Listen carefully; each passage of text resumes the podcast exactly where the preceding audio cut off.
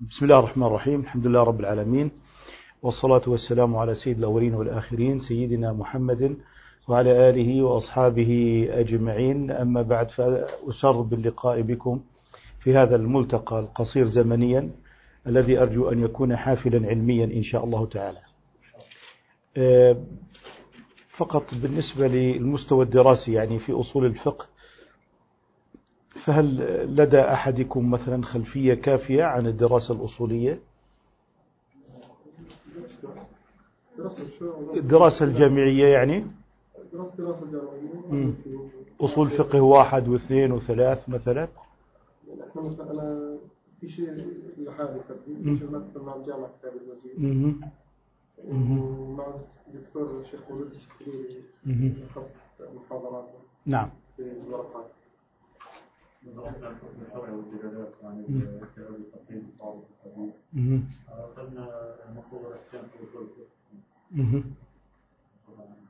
طيب في الإجمال يبدو أنه يعني هناك قراءات أولية في هذا الموضوع وهذا إن شاء الله يساعدنا على المضي قدما في آه، علم أصول الفقه.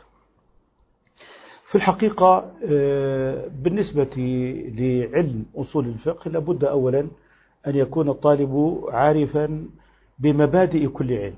يعني العربية لها مبادئ وأصول الفقه له مبادئ.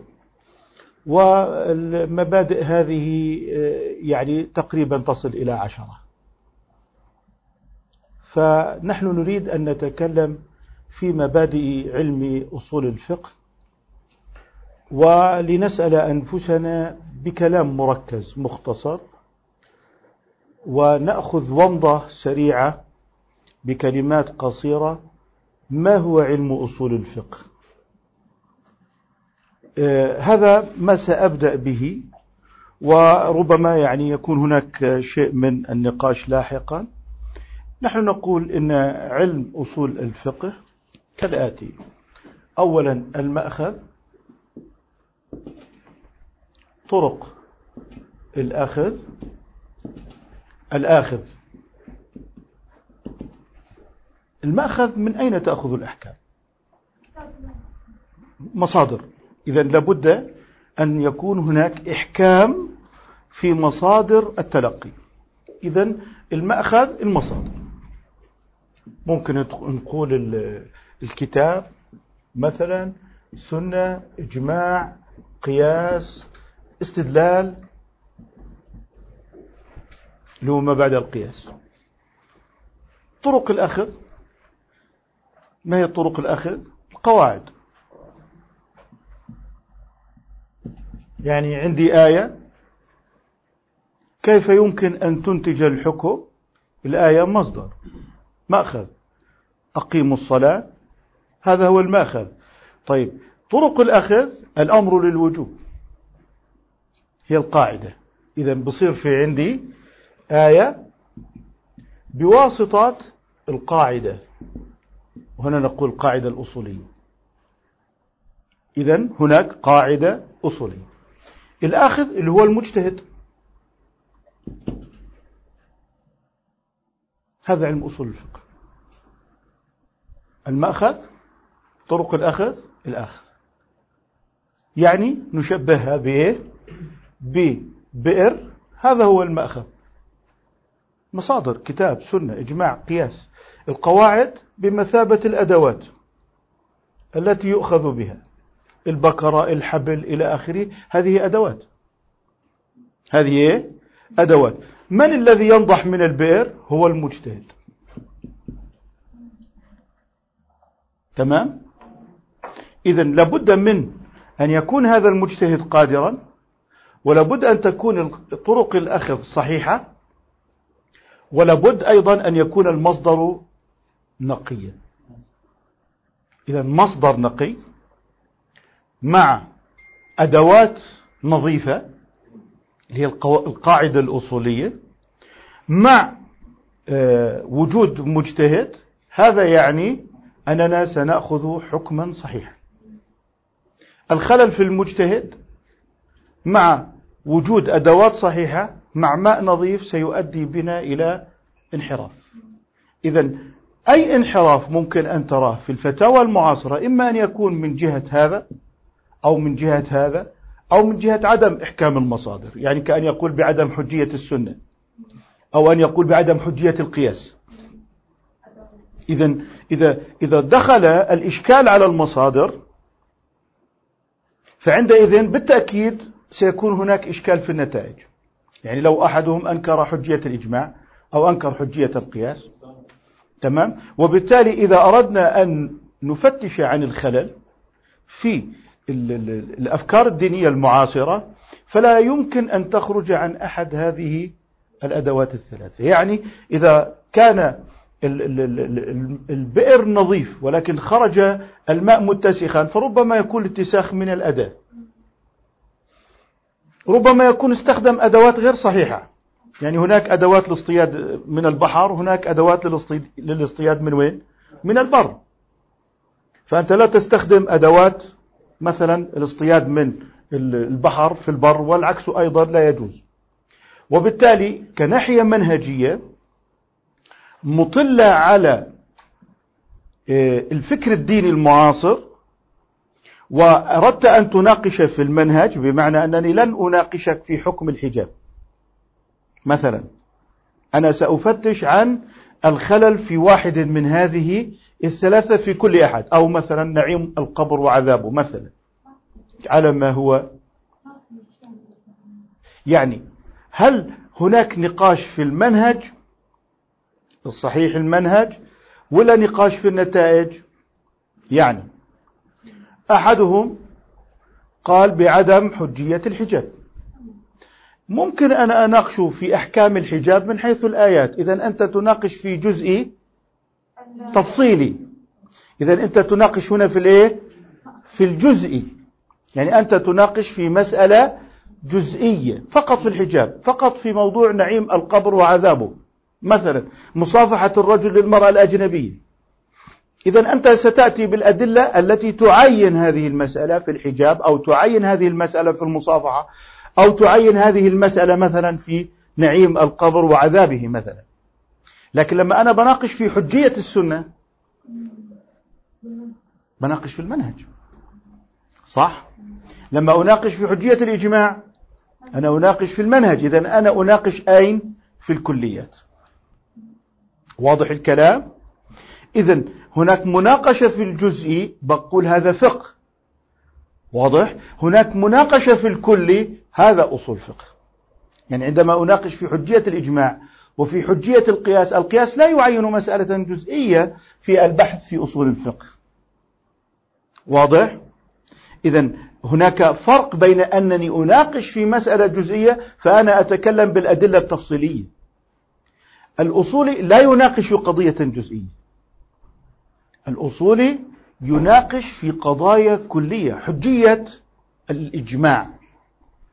سواء كان إجماع على فرض الحجاب على عذاب القبر على مسائل البيوع هو يناقش في الإجماع من حيث كونه مصدرا صحيحا ليؤخذ منه الحكم. إذا علينا أن نقسم النقاش إلى إما نقاش في الكليات هذا أصول فقه. إما نقاش في الجزئيات فهذا نقاش في الأحكام الفقهية. لكنني عندما أناقش في الأحكام الفقهية أنا أعين دليل جزئي. ولا تقربوا الزنا إنه كان فاحشة ومقتا وساء سبيلا. أنت تناقش مسألة جزئية. تمام؟ لكن لو أردت أن أقول لك احتجوا على مثلا آه، تحريم الزنا بالإجماع أيضا بالإضافة إلى الآيات الظنية ربما تقول أين الدليل على الإجماع على أن هناك عذاب قبر؟ إذا أنا هنا أصبحت أناقش في الكل وليس في الجزء. يعني انتقلت من المناقشة على الإجماع على فرض الحجاب فأنكره فصار الآن البحث في إثبات الإجماع. إذا هنا ربما إذا ناقشنا في الجزئيات فإننا ننتقل إلى المناقشة في الكليات لأن هذا الذي يناظرني مناظر أصبح مناظرا بدلا من الجزء صار مناظرا في الكل وهو حجية الإجماع أو حجية السنة. مثلا يقول لك هذا ثابت بالسنة والسنة ظنية والظني آه، محتمل لأن يكون تعرض إلى خطأ في النقل إلى خطأ في الفهم. إذا هو محتمل. إذا كان محتملا فهذا يعني أنني لا أحتج به والسنة أصلا ظنية الثبوت. واضح؟ طيب والقرآن قطعي الثبوت لكن أيضا دلالاته فيها ظنيات. واضح؟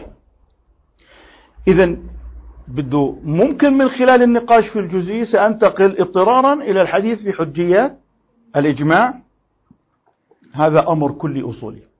إذا أنا بدأت هنا رجعت لأدرس في المأخذ أن الإجماع مأخذ.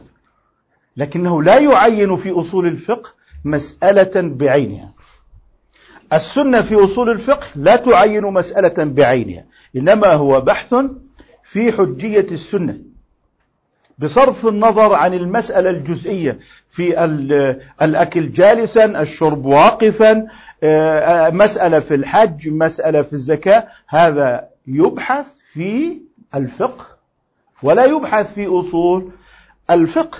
لذلك نحن نجد أن القواعد الأصولية قواعد مجردة عن المسائل. الأمر للوجوب النهي للتحريم. الأصل عدم النسخ. واضح؟ وجوب حمل المطلق على المقيد إذا اتحد السبب والموضوع. إذا القواعد الأصولية قواعد مجردة. مجردة عن الزمان مجردة عن المكان مجردة عن المسألة بعينها. يعني فقط أبحث عن الأمر للوجوب. أمر بالصلاة لا ليس مبحثا في أصول الفقه. أمر بالزكاة بالحج بالصوم ليس مبحثا في أصول الفقه. إنما المبحث في أصول الفقه هو في الأدلة الكلية التي لا تعين مسألة بعينها.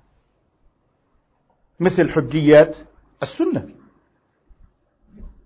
على سبيل المثال كل الجزئيات مبنية أصلا على الكليات الجزئيات هي ثمرة الكليات يعني الفقه هو ثمرة علم أصول الفقه. دليل؟ زائد قاعدة يساوي حكم. دليل؟ أقيموا الصلاة. قاعدة الأمر للوجوب. يساوي الصلاة واجب.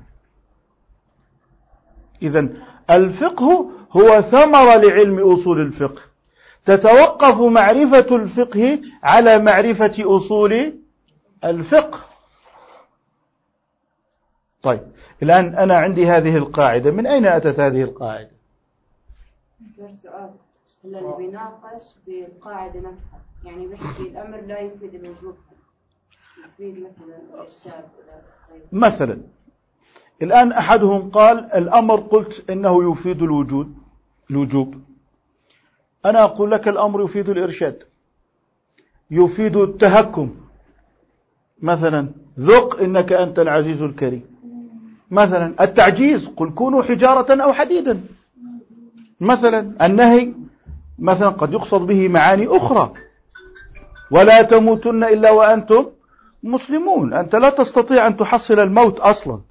هو من معجوزات الإنسان وليس من مقدوراته الآن سيكون هناك مبحث.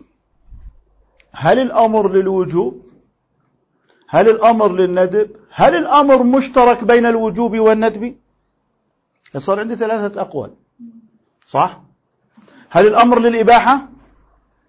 الآن بده يأتي الأصولي ليتكلم في إثبات الأمر للوجوب. حقيقة فهو الآن سيبحث عن الحقيقة. هل يشترط فيه العلو أن يكون الآمر أعلى رتبة؟ هل يشترط فيه الاستعلاء؟ مثلا هذا هو ميدان بحث الأصولي لكن الأصولي لا يبحث عن الأمر بالصلاة أو الأمر بالزكاة أو الأمر بالحج يبحث في قاعدة مجردة. يبحث في قاعدة مجردة. إن جاء الأصولي بمثال الأمر للوجوب إذا الصلاة واجبة فأدخل الصلاة والصلاة مبحثها في الفقه. فهو يأتي به على سبيل التصور لا إنتاج الحكم. يأتي به على سبيل إيه؟ التصورات. يعني آه من أين سنأتي لنجيب؟ من أين تأتي هذه القاعدة؟ بقول هناك استمدادات لعلم أصول الفقه. لويه الاستمداد. من أين يستمد علم أصول الفقه؟ إذا من أين يستمد؟ يعني أنت تريد أن تبني بناء أصول الفقه. ألا تحتاج إلى مادة؟ كما أنك تريد أن تبني عمارة فأنت بحاجة إلى التراب والحديد والإسمنت والرخام والزجاج والخشب وهكذا. طيب من أين يأخذ المادة ليبني بناءه؟ نقول اللغة. يأخذ من اللغة العربية. طيب وأيضا القرآن هو سيقيم الحجية على القرآن. السنة بمعنى السنة العملية. السنة العملية أصول الدين. العقيدة. صح؟ أيضا الفقه. هاي الاستمدادات. إذا سيأخذ من اللغة العربية. عندما يتكلم بالأمر اشرب اكتب هو سيتكلم باللغة العربية. اسقن الماء سيتكلم بلغة عربية. فإذا أراد أن يفتش عن حقيقة الأمر في اللغة فيجد أنها في اللغة على لسان العرب أن الأمر للإلزام أن الأمر لإيه؟ فلما يتكلم في حقيقة الأمر إنما يتكلم عن وضع لغوي عند العرب أن من أمر بأمر فإنما يطلب حصول الفعل على سبيل الإلزام إذا من أين سيأخذ الأمر؟ من اللغة واضح؟ إذا عندما يتكلم بالأمر عندما يتكلم بالواجب والوجوب والإيجاب إنما يتكلم في دلالات وضع لغوي. قبل ورود الشرع الإيجاب مصدر حدث الوجوب أثر للمصدر الواجب هو الفرع. الواجب هو إيه؟ الفرع. واضح؟ إذا سيستند في إخراج هذه القاعدة على مادة اللي هو الموضوع الذي نسميه الاستمداد. ما معنى الاستمداد؟ أي طلب المادة. من أين يأخذ الأصولي مادته؟ سيأخذها من اللغة العربية. لذلك نجد مبحث الحقيقة والمجاز. المشترك. مثلا. الترادف. واضح. العموم. العام. الخاص. وبالتالي ستجد أن الأصولي مستند في تكوين البناء الأصولي إلى اللغة العربية. إلى إيه؟ اللغة العربية. إذا الاستمداد من؟ اللغة. لأن عندما يتكلم عن أصول الدين. ما هو تعريف الحكم الشرعي؟ خطاب الله. صحيح؟ خطاب الله. أي كلام الله. أين يبحث الكلام لله عز وجل؟ في علم الأصول أصول الدين. كلام أزلي. صح؟ القرآن أزلي ليس مخلوقا. صفة قائمة بذات الله إذا عندما يقول خطاب الله إنما يتكلم بصفات الله صفة الكلام واضح؟ طيب لما يتكلم عن السنة سنة من؟ النبي كيف تثبت النبوة؟ ما دليل إثبات النبوة؟ المعجزة طيب كيف ثبتت المعجزة؟ مثلا القرآن الكريم بالبلاغة بالإيه؟ بالبلاغة. بلاغة القرآن. بلاغة القرآن مبحث لغوي. واضح؟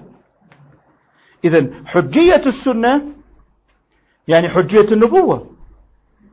واضح؟ فإذا أنا أردت أن أتكلم بالسنة فإنما سأتكلم في أن المتكلم بها هو النبي وهناك أثر لعلم أصول الدين على كلام الرسول صلى الله عليه وسلم هل يتكلم بحشو؟ كلام لا فائدة منه؟ نتيجة ماذا؟ أنه نبي جاء ليبلغ. فبما أنه جاء ليبلغ إذا لا يهمل كلامه أيا كانت تلك الكلمة. إذا الأصولي عندما ينظر في كلام النبي صلى الله عليه وسلم لابد في كل كلمة معنى مرادا للشارع. واضح؟ إذا لا يجوز إهمال جزء من الكلام أو اعتبار أنه هذا التركيب من الحشو. بمعنى كلام لا معنى له وبالتالي نقول نسقطه. إذا هذا الأصول اللي هو أصول الفقه لابد أن ينظر في علم أصول الدين لأن مقتضيات النبوة أنه لا حشو في كلام رسول الله. ولا بد أن يعطى كل تركيب معنى يليق بمقام النبوة. لذلك إشكالية اللادينيين عندما يقبلون على النص الشرعي لا يقبلون عليه على أنه معظم. فيمكن طبيعيا أن يتحلل من فرائض شرعية كالحدود والحجاب. إذا الإشكالية أنه إذا نظر إلى النص القرآني على أنه خطاب عادي مثل النص الحامد أبو زيد إعادة دراسة القرآن ككتاب لغوي عادي كغيره من الكتب. ونزع القداسة عن القرآن الكريم. إذا ماذا يعني أنه نزع القداسة؟ نزع الأحكام. يعني عندما يقول المغزى اللي هو المعنى البعيد. المعنى ليه؟ البعيد. تحريم الربا المعنى القريب. تحريم الربا إيه؟ المعنى القريب. يعني الرسول صلى الله عليه وسلم لو أنه طال به الزمن إلى يومنا ونظر إلى هذه المؤسسات المصرفية الكبرى والشركات الصناعية الكبرى وهي تقترض وتحقق الإنتاج والتنمية لما استمر على تحريم الربا. اذا هناك خلل في أنه ينظر إلى المتكلم وكأنه لا يعلم ما يؤول إليه الحال بعد عشرة قرون مثلا. اذا رجع الاختلال إلى قضية في أصول الدين اللي هي العلم الإلهي السابق بالأمور قبل حدوثها وأن الله الذي أنزل القرآن يعلم هذا الحال. وبالتالي طالما أنه لم ينزل له تفصيلا آخر اذا هو مندرج تحت ذلك التفصيل الأول. قل أوحي إلي هذا القرآن لأنذركم به ومن بلغ. إذا آه، آه، الإشكالية التي تحدث في الفقه هي ممتدة لنت أو هي نتيجة لمقدمة في أصول الفقه. آه، هذا الخلل في أصول الفقه نتيجة اختلال في أصول الدين. واضح؟ لماذا حرم الله الربا؟ لأنهم كانوا يتعاملون ويقرضون الفقراء والقرض للفقراء استغلال لهم و وإلى آخره. نحن الآن أمام شركات مالية. ما في فقراء. إذا هو أعاد تعليل النص الشرعي على أساس أن الله يحرم تبعا للواقع وأن لله غرضا من التحريم وإرادته تابعة للأغراض. لا أننا ينزل إلينا التحريم فتظهر المصلحة وتظهر المفسدة فهو مفترض أنه الله يتبع المصالح والمفاسد. نحن نقول لا الأمر والنهي بناء على علم الله وحكمته لا على أوصاف موجودة في الأشياء خلافا للمعتزلة. واضح؟ فالحدث المعاصر أساس التحريف في الدين إنه لا ربنا حرم الربا لأنه ظلم الآن لم يعد ظلما. اذا هو مفترض أن إرادة الله تابعة للموجودات. له غرض في التحريم يعني مصلحة يريدها. هو لا يريدها له. أن التحريم والتحليل لمصالح العباد تفضلا من الله عليهم ولا أحد يوجب على الله شيء. فإذا نظر إلى النص القرآني مجردا عن أصول الفقه وأصول الدين بالطبيعة سيأتي بهذا النتاج أن الربا قد حرم لظروف معينة وقد زالت ذلك الظروف وبما أن تلك الظروف قد زالت إذا فلنغير الواقع ولنأتي بدين جديد. إذا الاختلالات الفكرية المعاصرة هي ناتجة من البداية من الفقه ثم تتعدى إلى أصول الفقه ثم تتعدى إلى أصول الدين. فنخلص إلى أن نقول أنه الفقه أصول الفقه أصول الدين. إذا لما تكلمت عن الخطاب بتكلم عن خطاب أزلي لله. هذا الخطاب الأزلي ليس في وعاء الزمان. أجد أنه اللادينيين يريدون أن يعيدوا تموضع الشريعة زمنيا. واضح؟ إلى حد إعادة كتابة القرآن بحسب سبب النزول أو أوقات النزول. إحنا نجد أنه القرآن بدأ في سورة البقرة بعد الفاتحة مدنية. ما بدأ بالتسلسل التاريخي لأنه ليس كتابا في التاريخ. ومن ثم إعادة إنتاج الدين والشريعة زمانيا يتناقض مع أزلية الخطاب الإلهي.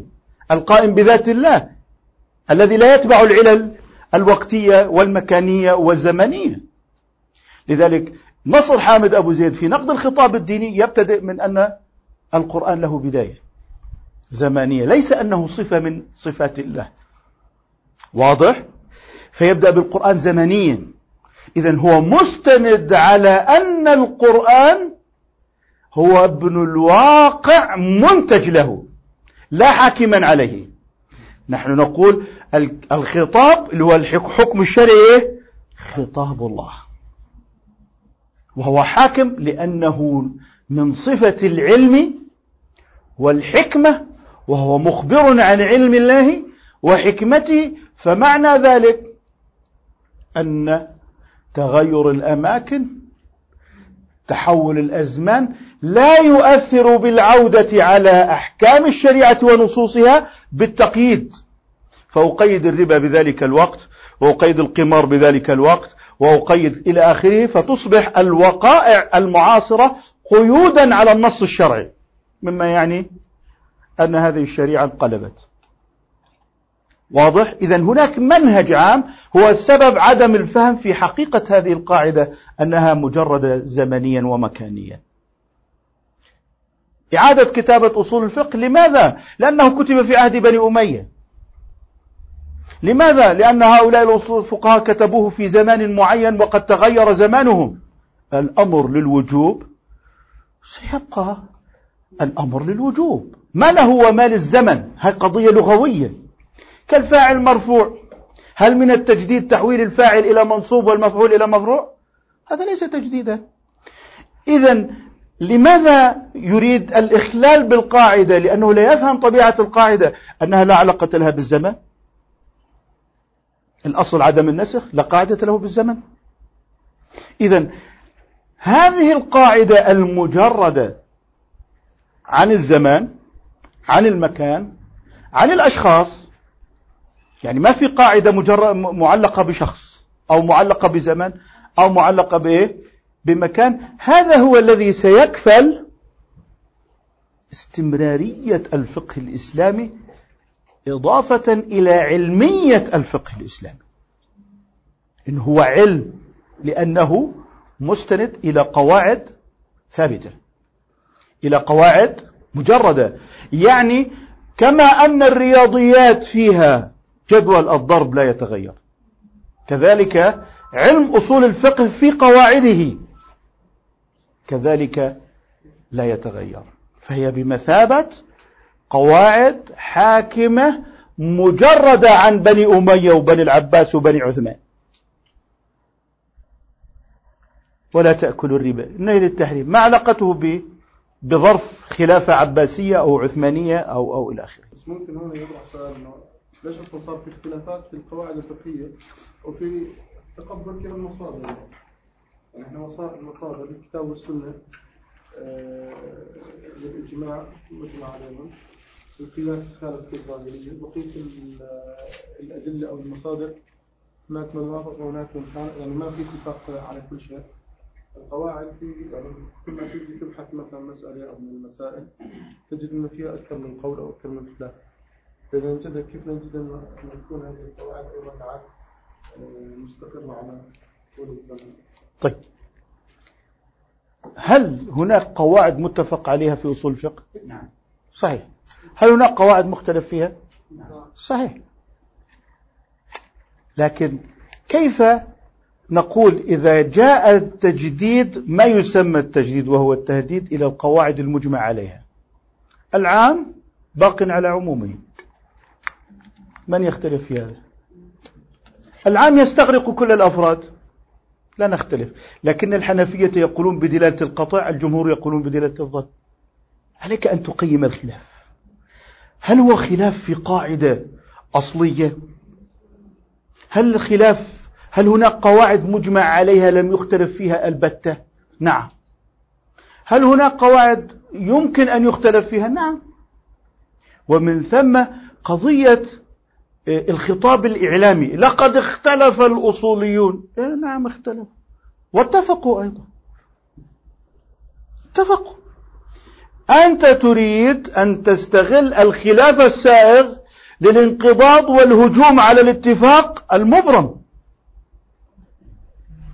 وبعدين بيكون لكل واحد شو يعني الأول بيحكي إنه الأصل عند العرب الأمر يفيد الندب بيحكي هيك الأصل عند العرب. مش بيجيب قاعدة قاعدة ثانية من مكان من أصل ثاني. الكلام العربي ألا يوجد فيه حقيقة ومجاز؟ ألا يوجد فيه؟ ألا يمكن عندما ننظر في اللغة أن نجد حتى النحاة عندهم نقل؟ يعني النحاة سيعتمدون على النقل. نقل قصيدة امرئ القيس نقل النابغة سيعتمدون على النقل. النقل هذا قطعي ولا ظني؟ ظني. تمام؟ الآن عارض هناك للنقل تعرض له عشرة عوارض.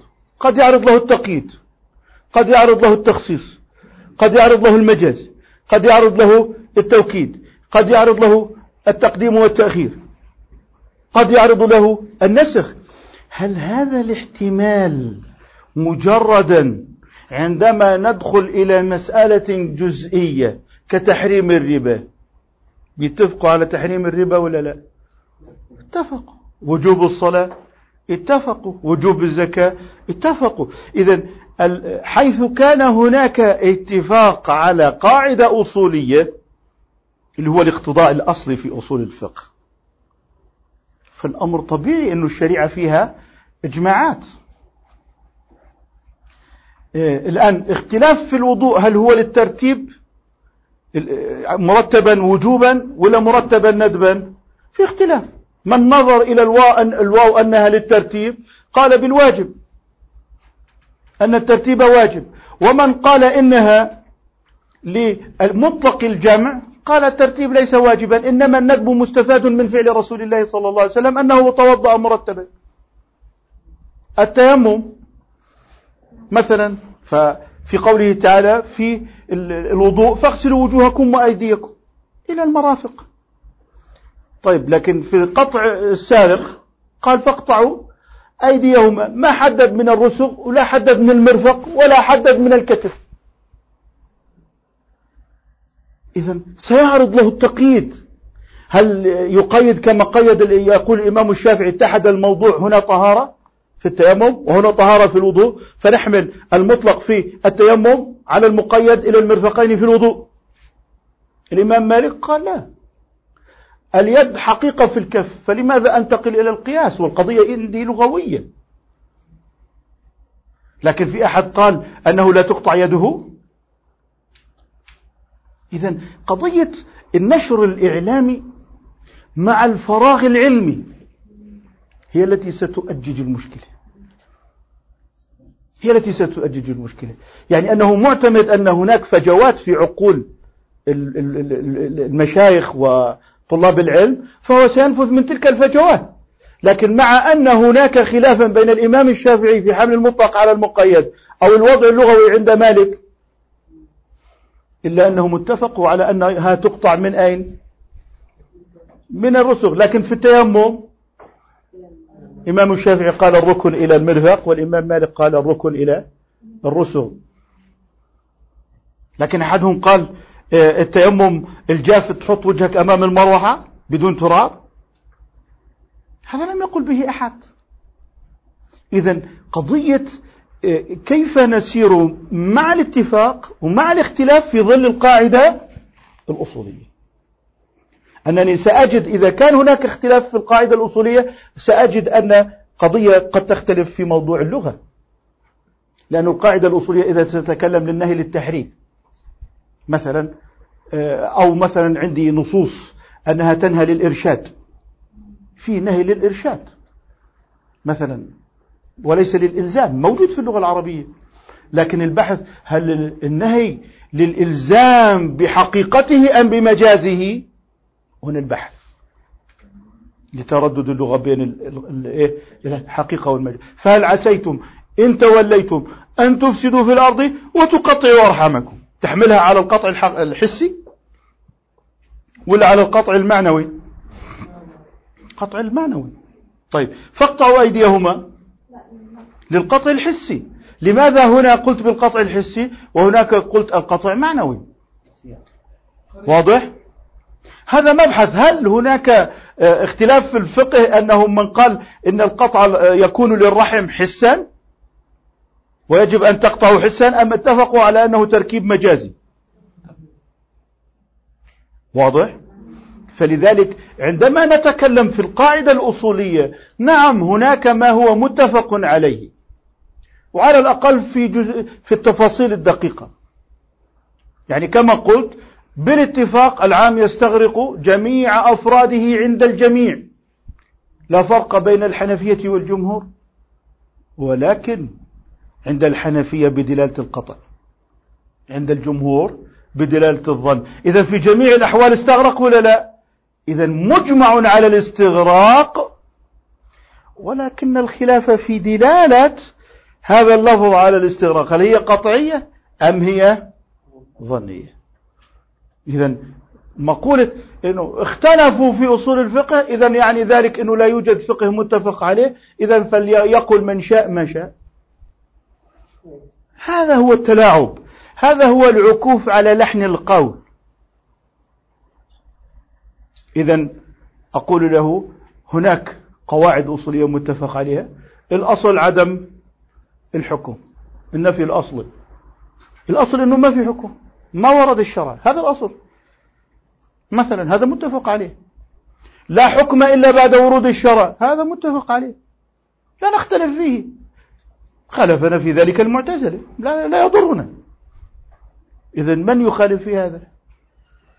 هناك من يظن إذا اختلفوا بين الأمر للوجوب ولا للندب فيأتي يقول لك ممكن الوضوء مندوب لأنهم اختلفوا في الأمر. لا ما هناك بعد القاعدة الأصولية هناك بحث في الأدلة الجزئية. فما يمكن قد يكون حصل فيه الاختلاف في القاعدة الأصولية ستحسمه الأدلة الجزئية. ظنيات الأدلة الجزئية مرجعها إلى القاعدة الأصولية. فإذا جمعت القاعدة الأصولية مع النصوص الجزئية عندئذ اكتمل لك المحكم مع المتشابه وأعطياك صورة واضحة. لذلك من الخطورة بمكان الاحتجاج بالقاعدة الأصولية مجردة؟ إنه قرأ أصول الفقه ثم بدأ من خلال القاعدة الأصولية ينتج الأحكام. هنا الإشكالية. إنه آه قاعدة أصولية. ليس الدوام كالابتداء مثلا. والله اختارت الأمة إماما من للمسلمين ثم بعد ذلك طرأ له العمى. هذا لا يخل بإمامته لكن ابتداء لا ابتداء يختار ليس أعمى. ليس الدوام كالابتداء. في قضايا فروع كثيرة. أحدهم يقول يجوز أن المرأة المسلمة إذا أسلمت وزوجها كافر أن تبقى مع زوجها الكافر. ما القاعدة؟ لأن الدوام ليس كالابتداء. آه. هناك من يفتي بهذا للأقليات في أوروبا وكذا. موجود ومنتشر. فأحدهم يناصر هذا القول. قال ليس الدوام كالابتداء. ونفس اللفظ ليست الابتداء كالدوام. نفس القضية. قلت له لو أن أحدهم في الصلاة أحدث أثناءها. هل يكمل؟ قال لا يكمل. قلت له لا ليس الابتداء كالدوام عليه أن يكمل. لأن الدوام ليس كالابتداء. يشترط في, في للصلاة في الابتداء الطهارة. لكن مع الدوام لا يشترط. زي ما عملت أنت مع الزوجة التي أسلمت فهنا الدوام ليس كالابتداء. صار يطلع هيك. قلت له الإشكالية أن الأدلة الجزئية هي التي ستعين. الإطلاقات الموجودة والتجريدات الموجودة في القاعدة الأصولية. فقلت له أنت لما قلت لماذا يعني فعلت هذا ولم تفعل ذاك أنت لم تميز صحة استعمال القاعدة في محلها. وبالتالي أنت استعملت قاعدة صحيحة في غير محلها. إذا قاعدة صحيحة لكن الاستعمال غير صحيح. كثيرا ما نسمع وهذا لا يجوز سدا للذريعة. قلت له فإن كانت هناك مصلحة فهل عندك تقدم المصلحة على سد الذريعة ولا تقدم سد الذريعة على المصلحة ولماذا؟ كثير من الناس يستعملون قواعد أصولية مصادر أصولية في غير محلها لكنك عندما تقول سدا للذريعة مثلا دخول المرأة للتعلم في الجامعة سدا للذريعة تمنع. وهو ذريعة قائمة صح؟ طيب لو قلت لك عارضت مصلحة وهي أن تتعلم مصلحة شرعية معتبرة. فماذا تفعل إذا أنت أمام تنازع إيه؟ مصلحة مع ذريعة. فإذا يعني تعارضت المصلحة مع الذريعة فأيهما تقدم؟ تقدم المصلحة. لأن الذريعة أصلا مضمونة لكن المصلحة متحققة. بالتأكيد ستتعلم لكن المفسدة نادرة. لو أننا فعلنا هذا الخطاب الفكري الاجتماعي الديني سدا للذريعة وسدا للذريعة وسدا للذريعة وهذا سد كله سد اختلق الناس. إيه صح هو سد الذريعة لكنك لم تكن تبحث بحثا شاملا في موضوع المصلحة. إذا رجعنا إلى موضوع اللي هو إيه؟ القاعدة المجردة متى تستعمل؟ متى تستعمل؟ تنازع المصالح تنازع المصالح تنازع المفاسد تنازع المصالح مع المفاسد مش متصور لأنه بالتأكيد سترجح المصلحة. المفسدة الكبرى المفسدة الدنيا المفسدة الواقعة المفسدة المؤجلة. يعني الفقهاء يبحثون في ذلك. وطبعا لما إحنا لما صار إغلاق المساجد صار عندنا فوضى دينية والكل يحتج بالدين صح؟ الكل بهذا بيحتج بحفظ النفس وإغلاق المسجد. وذاك يحتج بالإيه؟ بوجوب الجمعة وأنها واجبة. وبعدين ومن أظلم ممن منع مساجد الله. ان ترفع إلى آخره ونطبق على على بعضنا آيات الكفار. هذا الذي يحدث. إذا هو بأخذ قطعة من علم أصول الفقه وهذا بأخذ قطعة منه وبضربهم ببعض.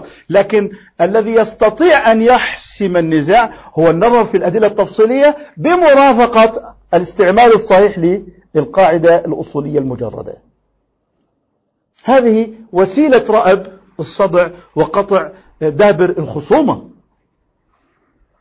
إذا نحن أمام بحوث ناقصة. ممكن أقول لك آه، يحفظ لحفظ الأرواح وإلى آخره. هذا لا يكفي في البحث الفقهي. يمكن أن يقوله إعلامي مسلم. كذلك الذي قال ومن أظلم ممن منع مساجد الله. وهذا الآخر أيضا يرتكب طامات. الجمعة يقين الوباء محتمل. لا يو... إيه؟ اليقين لا يزول بالشك. إذا نروح على الجمعة وصلي حتى لو إيه لأن الوباء مشكوك فيه. كلام حلو. كلام جميل. في منتهى الجمال ورائق للعوام. لكن لو أنك ناقشته بالجزء لماذا نتيمم؟ لاحتمال زيادة المرض. طب والوضوء واجب؟ الغسل باليد صح ولا لا؟ ووقوع زيادة المرض أو الألم محتملة. أهو. قدمنا الظن على الايه؟ اليقين. طب والمرأة الحامل إذا خافت؟ لها أن تقدم الظن على اليقين لأنه لم يبحث حقيقة الفرق بين الشك في المانع والشك في السبب وأن الشك في السبب هو شك في المانع. والشك في المانع شك في السبب. إذا الاضطراب في الدين لا ينتج من استعمال دليل.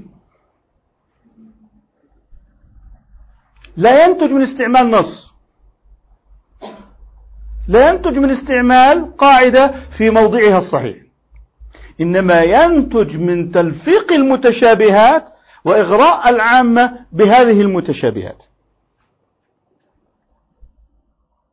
ومن ثم ستتناقض الآيات بين أيدينا والظواهر سيلطم بعضها بعضا ونزداد فرقة وشقاقا مع أننا نستدل بالكتاب والسنة والقاعدة الأصولية. لماذا؟ لأنك لم تضع كل شيء في موضعه. إذا قضية القاعدة الأصولية واستعمالها قطع غيار للفكر المعاصر موجودة عند الجميع. ممكن أنا أهدم الحجاب بقواعد أصولية الآن. عادي. لكن هو الإشكال في ترتيب الأدلة. في ترتيب الأدلة مثل السيارة. كل قطعة يجب أن تكون في مكانها. أتيت لك بالقطع فوضعت اليمين محل الشمال والشمال محل اليمين. قلت أنا ركبت كل الأجزاء. لكن التركيب خطأ. من الذي يرفع هذا الإشكال؟ هو مين؟ الآخذ المؤهل. الآخذ هو الذي سيزيل الإشكال. لماذا؟ هو الذي توفرت له القدرة على التصرف في أدلة الشريعة. التصرف في أدلة الشريعة بأن يرتب أدلته بمعنى المأخذ آه، كتاب سنة إجماع قياس. طب هل هل تعلل بالحكمة مع وجود العلة المنصوصة؟ هل تعلل بالعلة مع وجود نص إجماع؟ ترتيب الأدلة.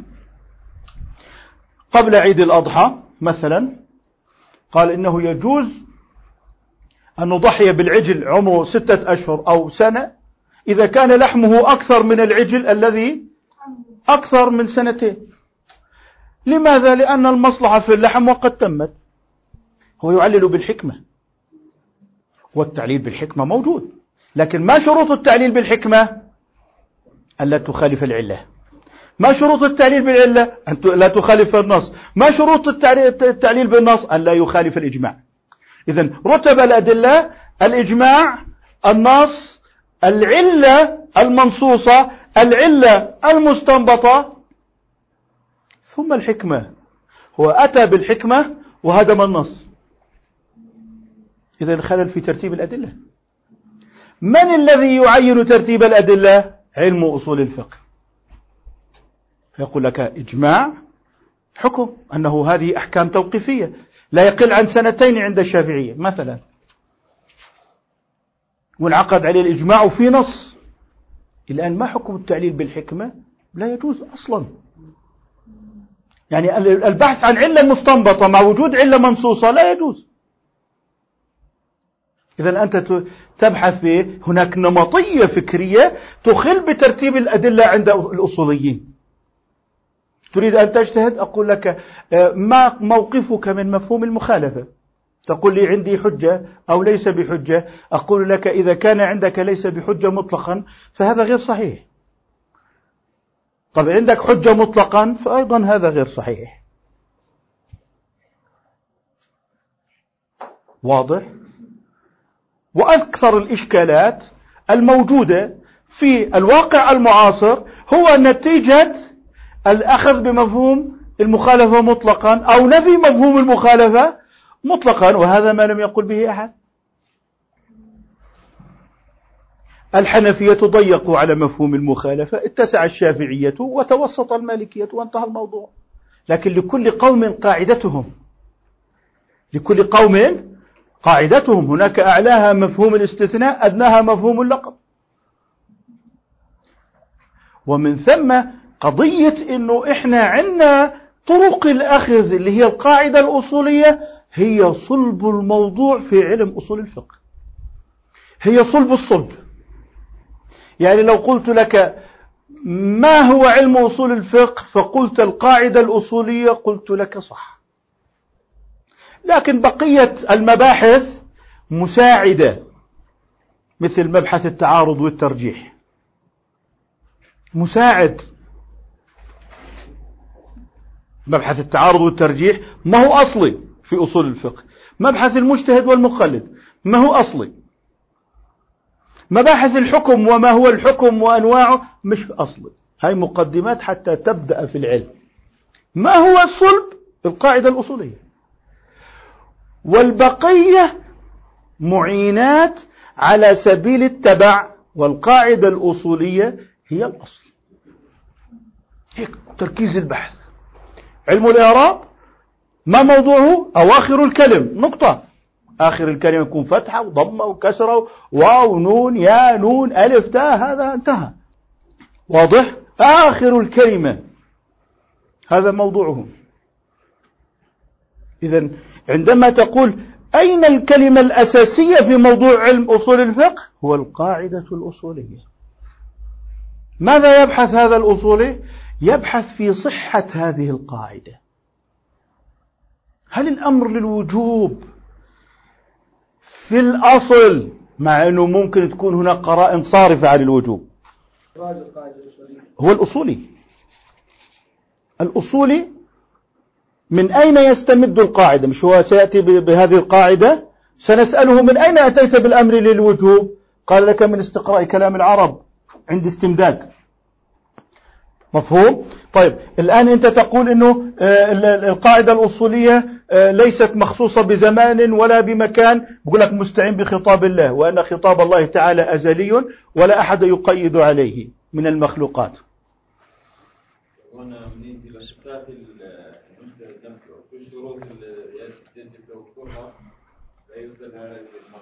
أول شرط الملكة وهي كيفية راسخة في النفس تمكنه من استعمال هذه القواعد للوصول إلى حكم. إذا ملكة ملكة يعني موهبة. إنسان عنده قدرة على النظر حاد النظر في النصوص. ليست قضية تلفيق النصوص من قبل أبناء الجيران. وأن يأتوا بأحكام من مما لفقوه من هذه السرديات. هي حالات سردية. حكاه فلان وهو قول للشافعي وهو أحد الروايتين عن أحمد وهو قول لمالك وقاله ابن شبرمة وهو ذهب إليه ابن أبي ليلى إلى آخره. هاي حالة سردية ليست علما. هذا سرد تاريخي يعبر عن سيولة الفكر وليس عن صلابة علمية قادرة على الثبات والبقاء. لذلك إحنا الآن نلاحظ انقلابات التدين. لماذا؟ مع أنها معززة بالكتاب ومدعومة بالسنة. لأنها كانت عبارة عن تلفيقات بحسب ما يقتنع به ابن الجيران.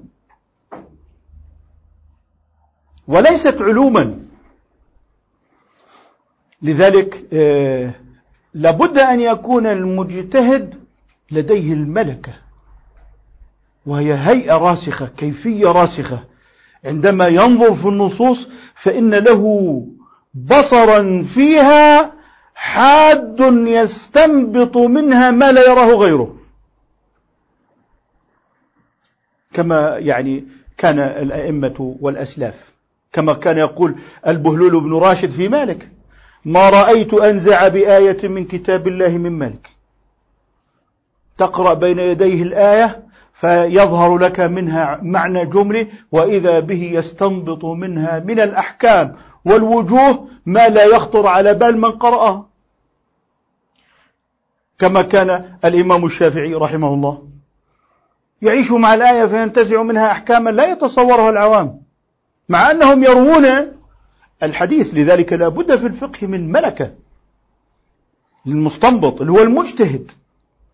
لأن المجتهد دليل جملي. أنت تقول الكتاب والسنة والإجماع هذه أدلة للمجتهدين. طب ما هو دليل العام المجتهد؟ إذا المجتهد دليل إجمالي بالنسبة للعوام. ماذا يجب على العام أن يعين المجتهد؟ ماذا يجب على المجتهد أن يعين الدليل؟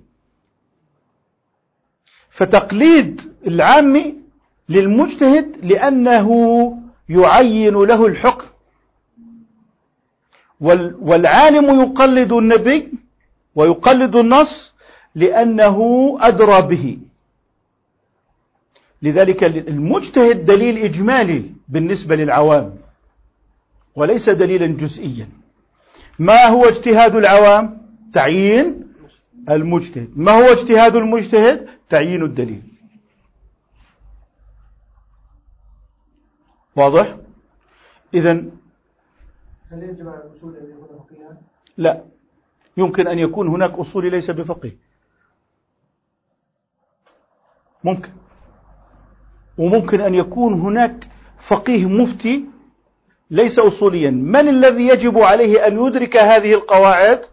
هو المجتهد المستنبط للأحكام. فيفرض عليه فرض العين أن يدرك هذه القواعد لأجل أن يستنبط منها فيكون حكم علم أصول الفقه فرض عين على المطلع بالاستنباط للأحكام. واضح؟ طيب أما آه، آه، إذا يعني اكتفينا من هؤلاء المجتهدين فيصبح علم أصول الفقه فرض كفاية. فرض كفاية على الأمة. أما متى يكون فرض عين؟ على المجتهد المطلع بالاستنباط. إذا صار عندنا المأخذ مصادر. قول الصحابي هل هو دليل؟ مثلا هل قول الصحابي دليل؟ ليس دليلا. اختلفوا. قول الصحابي دليل؟ نعم. يعني هل قول الصحابي دليل؟ ممكن يتوافق مع عمله. يتوافق مع عمله. إذا ثبت إذا ثبت. إذا كانت الغيبيات قالوا إنه دليل. إذا كانت الغيبيات إنه دليل. قالوا إنه دليل. رواية خبر مش اجتهاد إذا نحن نقول هل هو حجة في ال- في الاجتهاد دليل شرعي؟ ليس دليلا؟ نعم دليل. ما الفرق بينه وبين رسول الله؟ ما كلام الرسول ظني في دلالته. إن الدرجة فيه أعلى. درجة أعلى. إذا هو حجة. الصحابي قوله حجة؟ إثناء الناس بقول النبي كان يعني هل قول الصحابي حجة؟ إذا الحجة بالإجماع وليس بقول الصحابي هم. لو قلت حجة إذا الحجة تناقضت لأن الصحابة اختلفوا. لو قلت ليس بحجة يطرح أيضا كلام غير صحيح. قول الصحابي اسمه مش مش الأقوال المختلف فيها هي تسمية معاصرة فيما أعلى. الأدلة المختلف فيها تسمية معاصرة. لا هي اسمها الاستدلال. ما معنى الاستدلال؟ يمكن أن يكون دليلا. مش دليل وليس دليلا. حالة أخرى. يمكن أن يكون دليلا. يعني يستفاد منه. يعني بتحطه على الطاولة. يستفاد منه. هل يعني هل سد الذريعة دليل؟ لا. هل الاستصلاح دليل؟ لا. الاستصلاح اللي هو المصالح المرسلة اسمه استدلال مش الأدلة المختلف فيها. لا يوجد مذهب لم يعمل بالاستصلاح. لا يوجد مذهب لم يعمل بسد الذريعة. ولا يوجد ما الاستحسان له تفاصيل خاصة بين المالكية والحنفية. حتى الإمام الشافعي استحسن في في أقواله. الاستحسان الذي ذمه الشافعي هو القول بالرأي في الدين. هذا هو المذموم. إذا هذه ليست أدلة مختلف فيها. هذه الاستدلال ولما إحنا بنفتح كتب الفقه الأصيلة ما بتلاقي الأدلة المختلف فيها. هل يمكن لو فتحنا كتب الحنفية نفتقد إلى أقوال الصحابة ولا نجدها مليئة؟ مليئة. كذلك الشافعية والحنابلة والحنابلة كذلك الكتب الأخرى. لماذا تذكرها على سبيل الخصوص؟ لأنها استدلال. ما معنى كلمة استدلال؟ أي ما يمكن أن يكون دليلا. إذا لم تعامل على أنها حجة وإلا أصبحت عصمة صح؟ وتعارضت مع أدلة النبوة. لو قلت أنها تهمل لتركت ما يمكن أن يفيد كثيرا وهو ما يتعلق بكتاب الاستدلال. ممكن تعتبر كأدلة تابعة. ما بنقدرش نسميها أدلة تابعة. إحنا نسميها تسمية لائقة بطريقة الفقهاء في التعامل. بنسميها لا إيه هي؟ هي استدلال. ستجد أن أغلب الانحرافات الفكرية أنها تأتي بالاستدلال وتترك الدليل. المصالح والإسلام قام على المصالح ودرء المفاسد خطاب آه، آه، أنه الشريعة جاءت لمصالح العباد وآخره وفي الأخير بيكون أباح الربا. إذا ذهب إلى الاستدلال وترك الدليل. إذا اختلالات الفكر المعاصر ليست ناشئة أنه لا يستدل بأدلة الشريعة إنما يضعها في غير محلها. إنما يضعها في غير محلها. كما قلنا في ليس الدوام كالابتداء مثلا. كما قلنا في التعليل بالحكمة. كما قلنا بالذهاب إلى التعليل بالاستدلال أو التعليل بالعدم. قضية التعليل بالعدم. لأنه لم يفعله رسول الله. ثم هو أمر به. مثلا. يعني كل الغلو في البدعة ناشئ من قضية آه، عدم الدليل مع وجود دليل معاكس. هذا ليس في اللادينيين هذا في الوسط عندنا الجدل الدائر. آه، والله آه، لماذا لا نقول صدق الله العظيم؟ لم يفعله رسول الله. طب لماذا نركب الطائرة مع أنه لم يركبها رسول الله؟ طب هذا لم يفعله وهذا لم يفعله. ما الفرق بين لم يفعله هذا ولم يفعله هذا لماذا لم يفعله هذا؟ اتخذته دليلا وهذا لم تتخذه دليلا. واضح؟ فتجد أننا نأخذ عمومات وخطوط عريضة مع هجران التكييف الصحيح للقاعدة مع دليلها الجزئي لم يفعله كان قادرا على فعله ولم يفعله ولم يكن قادرا على فعله يعني يكون طيار لم يكن قادرا على فعله طيب آه، لو قلنا الكلام اللي ممكن إحنا بنسمعه بدي أكتبه بخط شوي هنا إذا لم يفعله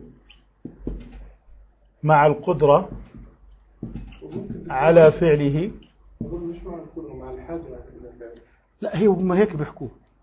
إحنا بدنا ننقل زي كما يقول صاحب القول. مع القدرة على فعله ولم يكن مانع شيء هاي التكملة فهو بدعة. طيب ماذا يعني؟ صاحب المقولة هكذا يقولها. هاي قضية هذه القضية ستصطدم مع أصول الدين. ستصطدم مع قضايا في أصول الدين. اللي هي على يعني الغلو في البدعة كله قائم على هاي كل الغلو في البدعة قائم على هاي هو إحنا مأمورون بالفعل بالاقتداء بالفعل ولا بالعدم؟ بالفعل. ما هي السنة؟ ما ورد عن رسول الله صلى الله عليه وسلم من قول أو عدم فعل ولا فعل؟ طب كيف بتقولي لم يفعل وصارت دليلا؟ بس الفرق في مأخذ آخر مش مش هذا. اللي هو الأصل الأصل في الأشياء الإباحة لكن الأصل في العبادة ال- التوقف إلا بوجود دليل. يدل على أن هذه شو يعني العبادة طيب؟ نعم. العبادة ما معناها؟ طب البيوع تدخل ولا ما تدخل؟ والله أنا لست في بطن الشاعر. هيك- في بطن الشاعر. يعني البيوع صارت عبادات. المقصود فيها العبادة المعنى الخاص. إيه هو المعنى الخاص؟ اللي هي اللي هي الصلوات الشعائر الصلاة والصيام والحج والذكر وهذه الأمور. يعني. يعني مثلا القياس ما بيدخل في الصوم؟ القياس ما بيدخل في الصوم؟ القياس القياس يدخل في الصوم؟ ما أنت قلت توقيف صح؟ طيب. طيب. الآن الصلاة. آه. ما دخلنا عليها مثلا الميكروفون وال والمسجد حطينا ال- العلامات وما إلى ذلك والمحاريب والقصص. يعني هل تعتبر رسائل؟ مش تعتبر شيء من العبادة. يعني لو قلت لك مثال على إمام همام كالإمام مالك. الدعاء عبادة ولا لا؟ عبادة. لو واحد قال يا رب نجحني في التوجيه. هي أحدث قولا جديدا لم يقله رسول الله في العبادة التي هي الدعاء.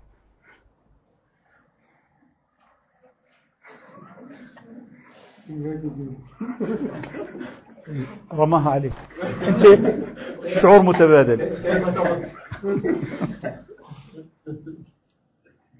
هذا الإشكال هو الإشكال هون إذا أنت فتحت الغطاء هذا راح تلاقي دبابير جوا. وهذا جزء من الدبابير اللي طلعت.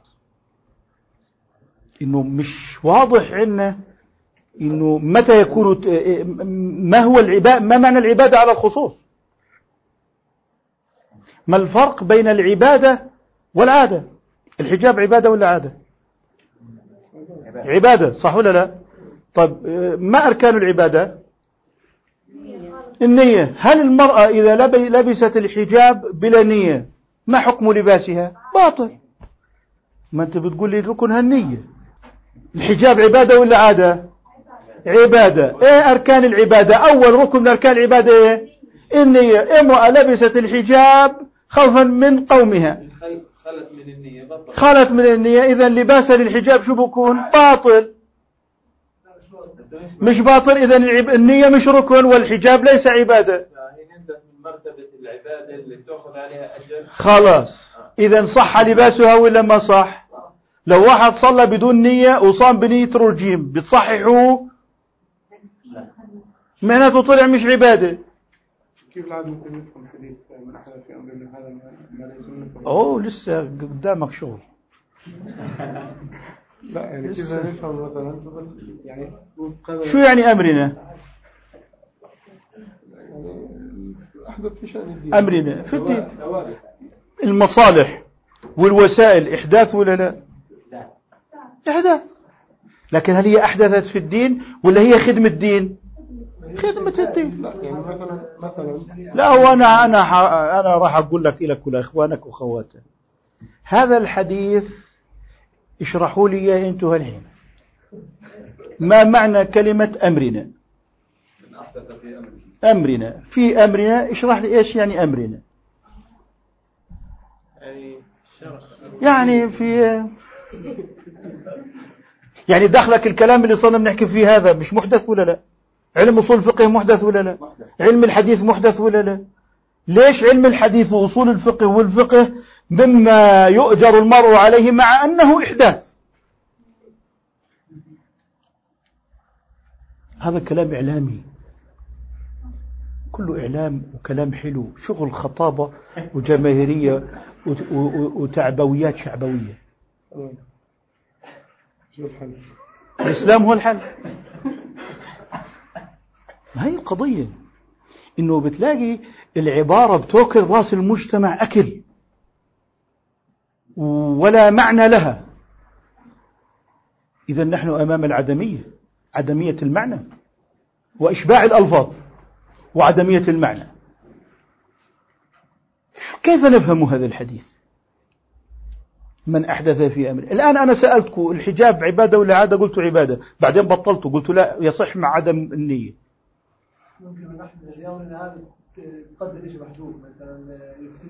لا بدك تقدر بدك تجيب لي الصناعة النحوية ومقتضيات الحذف في الصناعة النحوية وتحط لي تقدير. ما تعطينيش احتمالات على المشي. لأنه لازم نتخلى عن الحزازير. من أحدث في أمرنا هذا ما ليس منه وهو المحذوف المقدر. خاصة أنه انت جعلت النص أصل يرتكز عليه. يرتكز عليه والحذف الاستثناء والأصل عدمه اللي هو قولنا الأصل الاستقلال. صح؟ وال- والتأويل إضمار. يعني الأصل هيك أن الكلام مستقل مستقل بنفسه لا يحتاج تقديرا. تمام؟ ولله على الناس حج البيت. حط لي تقدير آل البيت. آه مش في حذف المضاف باللغة العربية؟ إيه حط لي. مش أنتوا قلتوا وأشربوا في قلوبهم العجلة. أي حب العجل؟ مش أنتوا قلتوا هيك حب العجل لأنه العجل لا يشرب صح؟ إيه قدر لي آل البيت هو.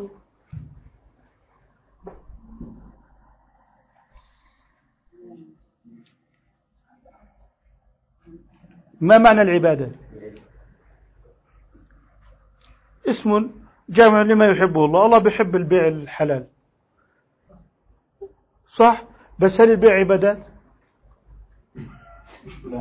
عبادة عامة. عبادة عامة. طب شو العبادة الخاصة؟ إيه العبادة الخاصة؟ إحنا ترى فكرة عبادة عامة طلعت الحين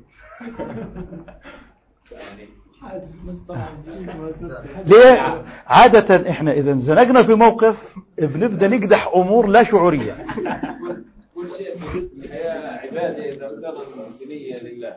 لكن إحنا العبادات الخاصة اللي نحن نحكم فيها طب لو واحد بده يعمل يا نصيب خيري واقترن بعمل خيري. ما هو أصله هذا باطل. ما هو كيف عاد أنت قلت لي كل شيء؟ كل شيء مباح وفي خير. للمعنى. في في في شيء ما في خير. ما هو الخمر فيها خير؟ مش ربنا قال آه، ومنافع للناس؟ أهو فيها منافع. والحكومة بتقول لك فيها منافع. ولا بتجيب لي ضريبة. وإثمهما أكبر من نافعهما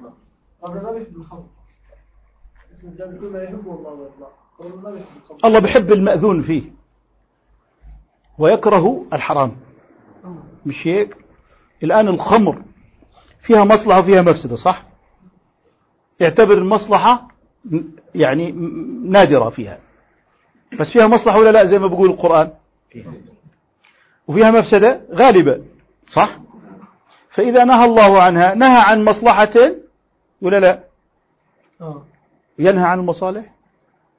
نهى عن نهى عن ضرر أكبر يعني الآن كل الفلسفة الدينية قائمة على تصور مصالح والإذن بها. بصرف النظر عن منهج الاستدلال اللي هون. والكل يتكلم في عمومات. زي ما أنتم الآن تتكلموا بطريقة نفسية انطباعية يعني هيك بتركب. هيك ماشي حالها. والله حلوة. هالحين أنتوا لو قلتوا إنه الحجاب عبادة لا يصح إلا بالنية. هيك معناها. العبادة تتوقف على القصد. يعني صوم مع نية رجيم بده يقضي بداله. طيب حجاب بدون نية بدها تقضي الأيام التي فاتتها بلا حجاب. فتقعد بالدار بالحجاب بتنام بالحجاب مشان تقضي الفوائد. هيك كلامكم أنا ما بجيب من عندي. أنتوا قلتوا النية ركن. صح؟ مش لازمة في الذمة؟ وما وجب في الذمة؟ وجب قضاؤه إلا أن تأتي بدليل مسقط. أعطني الدليل المسقط. الشافعية لازم في أمر بالقضاء إذا إذا إذا في كلام يعني لأنه هذا برضو من المسائل اللي فيها الإشكالات في طرق الاستدلال. مثلا الصيام آه، مالك أو سيدنا مالك صار يحكي إنه يكفي في بداية الشهر. النية. النية نعم وهي عبادة. مش كل ما يصوم بده ينوي. طب الحجاب؟ مجرد ما لبست أول مرة إنه خلص يعني تكون النية عند أول لبسة. وهذا أمر إلهي أنا طيب ماشي. النية عند أول لبسة صحيح؟ يعني خليها قياسا على الصوم. النية أول لبسة. طب ليش الإمام مالك شوف ليش الإمام مالك قال إنه إيه؟ نية أول الشهر تجزي عن بقيته. قال لأن الليل ليس ظرفا للصيام. فجعل تتابع نهارات رمضان. بمثابة تتابع ركعات الصلاة فتجزئك النية لأنه ما في فاصل. لأن الليل ليس ظرفا. طيب فإن أفطر لمرض يجب أن يبدأ نية جديدة أو لسفر. لماذا؟ لحصول القاطع. طب ما هي بعد ما لبست الحجاب في الخارج رجعت إلى بيتها ولبست لباس بيتها. فمعناته قياسا على قول مالك لازم تجدد النية عند الباب. الشرط انه يكون هذا هو القاطع هم؟ الشرط أنه يكون هذا هو القاطع. القاطع اللي بيفسد العبادة مثلا الرياء ما هو اعتبرتيها عبادة. يعني إذا المرأة لبست لأن هذا لباس قومها. هم؟ لا لا ما اختلفناش بالأجر إحنا بنحكي بالصحة. الفرق بين العبادة والعادة من حيث هي هو في الصحة مش في الأجر. صحيح صحة العمل الصالح. فالعبادة شوف الفقهاء أول ما بيبدوا بالوضوء التيمم شو الر- أول ركن؟ النية الزكاة الصوم أول ركن؟ النية. النية طب لما بيدخل على الزواج؟ الإجابة والقبول. البيوع إجابة وقبول. ما في نية. طيب واحد جلد واحد ثمانين جلدة. يقول والله يا قاضينا نسيت أنوي أعيدهم؟ قطعنا إيده. والله يا قاضينا أنا نسيت. ما هو هذا عبادة. مش هو أليس هذا تطبيق الشرع اسم لما يحبه الله؟ إيه خلاص وأنا ف- فقدت النية سيدنا القاضي. نقطع له إيده الثاني. لأنه القطع الأول مش مضبوط هيك التداخلات. شايفين التداخلات اللي عندنا؟ سمك لبن تمر هندي؟ آه. تداخل العبادة بالمعاملات من أحدث في أمرنا هذا التعليل بالعدم. التعليل بالعدم ماكل الدنيا. يعني قلت لم يفعله قلت لك هذا اسمه تعليل بالعدم. ما, ما أنواع التعليل بالعدم؟ بنصير نخطب. على طول. وخطاب تعبوي جماهيري. إيه إيه يعني إفساد لل- للتدين. لأنه اتفاجأنا صرنا 20 40 سنة بنستدل بالعدم. الحين طلعت تقول لي شو أنواع العدم؟ طب ما هو أنت مضطرب مع الثاني. أنتم مضطربين في التفسير بالعدم. بس شايف كنت هذا بيقول آه، إنه ما بصير تقول صدق الله العظيم لم يفعله رسول الله. هذاك قال له الرسول ما ركب الطياره طيب آه، ليه أنتوا هيك داخلي معاكم الأمور؟ هذاك لا يستطيع أن يرد وهذاك لا يستطيع أن يحسن. شو ما السبب؟ إنه تفسير نفسي انطباعي للتدين. السبب؟ هاي. آه ما حكم التعليل بالعدم؟ يقسم العدم إلى إضافي وعدم محض. يجوز تعليل الأحكام بالعدم المحض كأن تقول لا تكليف لعدم ورود الشرع. يجوز التعليل بالعدم المحض. أما تعليل الأحكام الثبوتية بالعدم فلا يجوز تعليلها بالعدم المحض. إنما بالعدم الاعتباري. إيه يعني عدم اعتباري؟ ما أكل رسول الله على خوان قط. إذا أكل إيه؟ جالسا على الأرض. إذا له وصف وجودي. ما أذن للعيد؟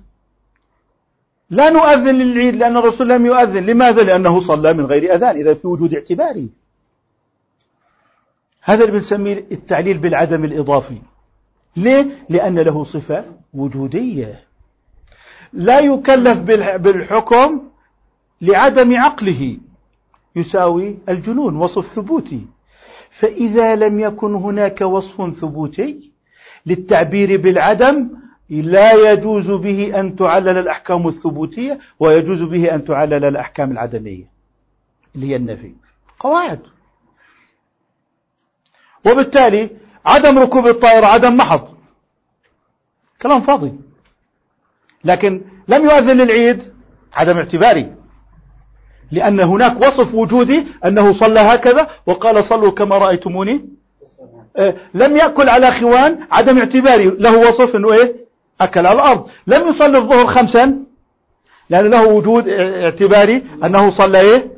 إذا حيث كان يمكن أن تعبر عن العدم بصفة وجودية صلح للاستدلال. للأحكام الثبوتية. أما إذا كان لا يعبر عنه بصفة وجودية صلح للاستدلال بالأحكام المنفية لا للأحكام الثبوتية. العبادة ركنها النية. الحجاب عادة. صحيح؟ طب ما هو مش عبادة. ما هو مش عبادة.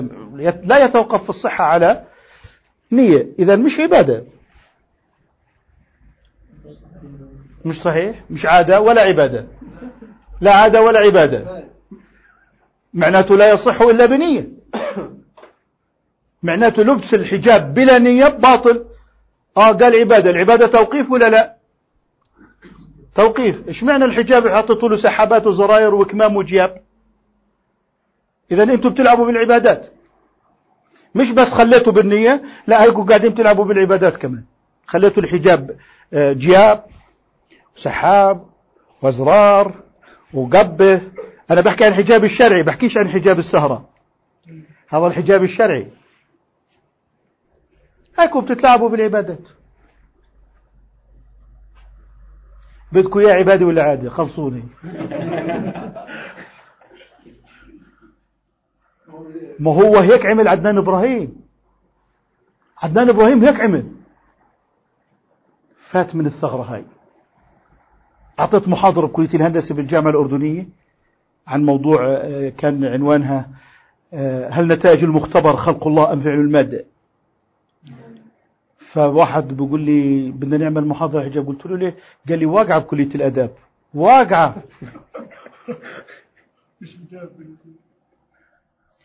كان اللي ما تلبس حجاب خلاص طلعت بتتأثم كانت. تقول لك والله الله يغفر لنا.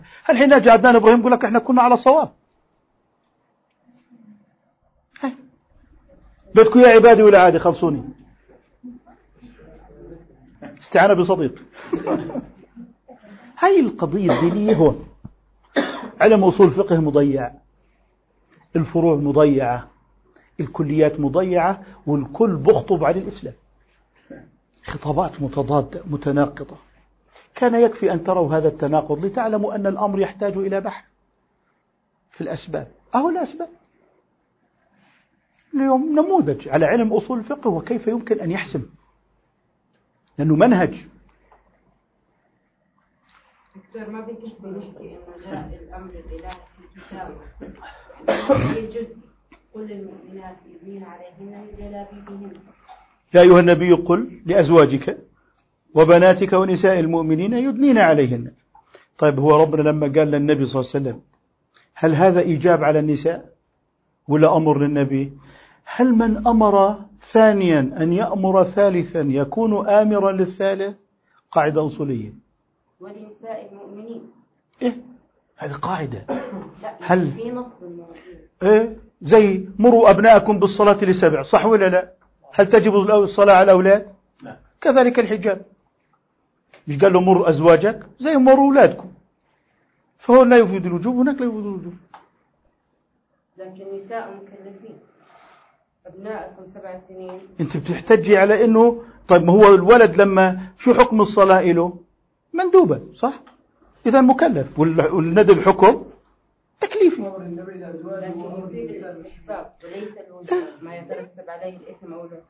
بالنسبة للولد مروا أبناءكم كصيغة لغوية وأصلا موجودة.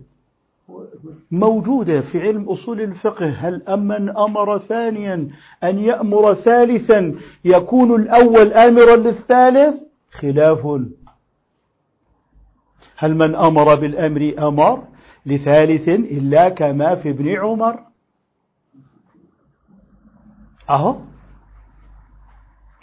إذا يندب للنساء. وبالقياس على أنه الرجل كان يغطي بعمامة المرأة يجوز أنها تكشف عن رأسها. لأنكم أنتم كنتوا تغطوا رؤوسكم أيام قريش تتذكروها. ما اختلفناش. إحنا الأمر بالنسبة لنساء النبي. بعدين في قصص لسه أطول من هيك. طيب موضوع الحجاب ما بدي أطول فيه موجودة لي محاضرة ساعة ثلاث ساعات على ال- اليوتيوب. شوفوا. عادة بس مأمور بها شرعا زي تحريم الر- الربا وإيجاب البيع الصحيح وكذا.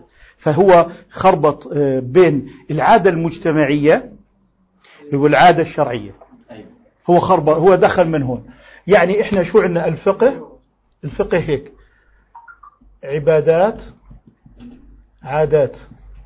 العادات هي إيه؟ المعاملات القضاء الجنايات. فقطع اليد لا يتوقف على نية القاطع أو نية المقطوع. يصح بوقوعه كأداء الديون والإقرارات ورد الودائع. يعني أخوي عليه دين رحت سددت له الدين عنه. يصح. بدون نية أخوي. لكن لو طلعت زكاته بدون ما يوكلني وبلا نية لأنها عبادة. إذا هو هو هو جاب ال- العادات الاجتماعية خلاها هي الحجاب داخل هون. في المجتمع حكم المجتمع العادات الاجتماع المجتمع داخل هون. كتحريم الربا كوجوب رد الوديعة. ورد الوديعة عبادة؟ بالمعنى اللي أنا حكيناه. لا. يعني ما معنى أنه رد الوديعة هذا؟ أي يصح ولو دون نية. يعني أجا وأخذ الوديعة وأنت كنت مسافر. أجا أبوه قال لي أبا وين الوديعة؟ قال له رجعناها. قال له باطل يابا لازم أنا أنوي أول. روح جيبها. آه. واحد آه زوجته رفعت عليه قضية بدها النفقة. قال ليش رفعت القضية؟ قال, قال له القاضي أنت كنت تنوي لما كنت تدفع من عشرين سنة. قال لا والله أنا ما أنويش العبادة. أنا بصرف معطيهم هالبطاقة وبصرف قالوا لا كل دفعتك باطلة لعدم الايه النية. والنية المقصودة إيه؟ قصد التقرب. شو المقصود بها؟ قاصد التقرب. وليس إرادة الفعل. إرادة الفعل هاي عند رد الوديعة موجودة. الإنفاق موجودة. لكن قصد التقرب إلى الله هي النية التي نبحثها. وبالتالي هو هو ينفق عنده إرادة الفعل. يعني أنا نزلت على مثلا محطة الوقود ها؟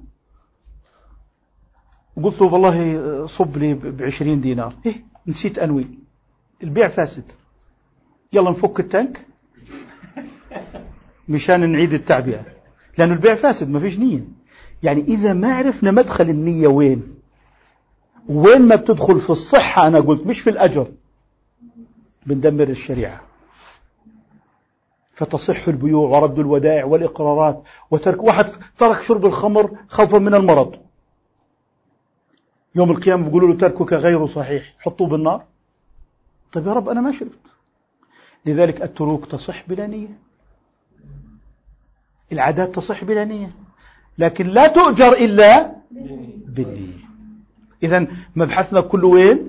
في الصحة. المرأة تؤجر على الحجاب إذا نوت به التقرب. إذا لم تنوي به التقرب فلا تحاسب يوم القيامة على أنها ليست بحجاب. واضح؟ مش تقعد تقضي بالدار تقضي لبس الحجاب. هاي جديدة. إذا لاحظوا من اللي بده يبحث بالنية ودخولها؟ علم أصول فقه ليه؟ لأنه بده يبحث في الصحة. بده يبحث بأحكام الصحة. فلما بده يبحث بأحكام الصحة بده يكون النية هل هي ركن في الصحة ولا ليست ركنا في الصحة لأن الصحة من الأحكام التكليفية أو الوضعية على خلاف. واضح الكلام؟ انتهى الوقت سيدي. أرجو لكم التوفيق جميعا. وفقكم الله وأسأل الله أن يصلح حالنا وحالكم. نرجو لكم التوفيق. إلى لقاء آخر إن شاء الله. السلام عليكم.